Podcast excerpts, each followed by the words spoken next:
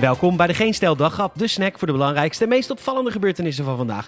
Met een knipoog. Met vandaag formeren en de smet van een superspread. Mijn naam is tegenwoordig te koop bij hackers. Ik heb mijn auto laatst laten keuren, dus mijn naam noemen is een vorm van broodroof. Daar weiger ik aan mee te doen. Dit is het nieuws van donderdag 25 maart.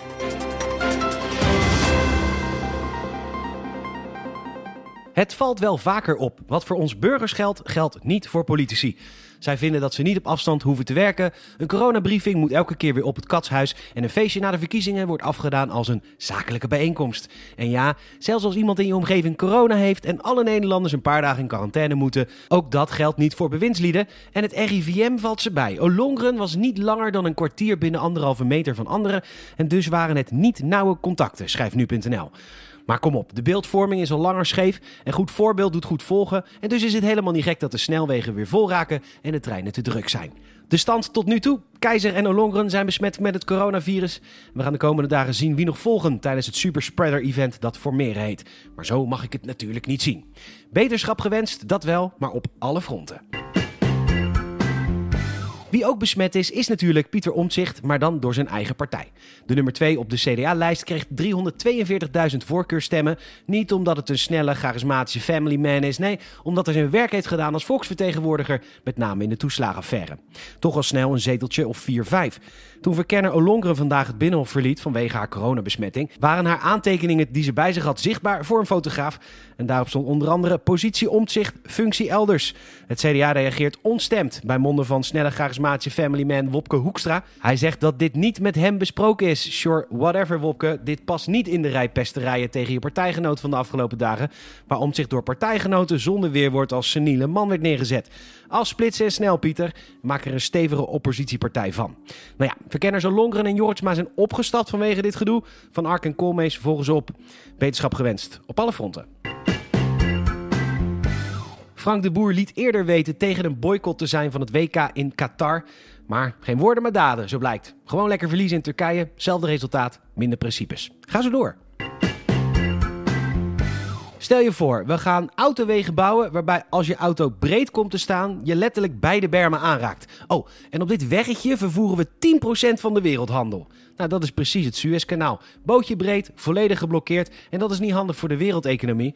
Want tegen nu.nl zeggen economen dat dit hele gebeuren voor hele legenschappen en hogere benzineprijzen kan leiden. Volgens Boskalis, echt een baggerbedrijf en ze gaan dus ook helpen met het schip te bevrijden, kan het dagen tot weken duren voordat het schip weer weg kan. Rico Luman, sector-econoom transport en logistiek bij de ING, zegt dat dit problemen kan veroorzaken bij winkeliers. Ik quote: Retailers hebben niet altijd grote voorraden en sommige producten zijn seizoensgevoelig, zoals tuinmeubilair. Maar ook voor winkels als de Action wordt het moeilijk om de bevoorrading op peil te houden. Nou, fijn dat de winkels dicht zijn dan. Veel landen stijgen boven zichzelf uit in deze coronatijd. In Duitsland werd het Pfizer-vaccin gemaakt, het Janssen-vaccin hier in Nederland. Veel landen deden er alles aan om de productie van mondmaskers, beademingsapparatuur, handschoenen op te schroeven. Vele helden over de hele wereld. En waar komt Mexico mee? Een neusmasker, zodat je kunt blijven eten in een restaurant. Ze worden dan ook eetmaskers genoemd. Alle beetjes helpen zou je zeggen, maar dit helpt dus helemaal niks. Volgens de New York Post zijn de namen van de Mexicaanse wetenschappers die dit hebben bedacht niet bekend. En ook het bedrijf dat ze maakt is een groot geheim. Terecht. Ik zou me ook schamen. Philips was natuurlijk al lang niet echt het Philips meer. Het veranderde eerder al van... Allemaal van links naar rechts, de tent die wordt gerold. naar En ik denk alweer naar Amsterdam. En weer verdwijnt een stukje Philips, in dit geval naar China. De NOS schrijft dat het vroeger o zo gemoedelijke bedrijf een koper heeft gevonden voor de huishoudelijke apparatentak. Hillhouse Capital uit China neemt het onderdeel voor 3,7 miljard over. En zoals alle bedrijven met capital in de naam, weet je zeker dat er een stevig en toekomstgericht plan voor het onderdeel ligt. De 7000 mensen die er werken hoeven zich absoluut geen zorgen te maken hoor.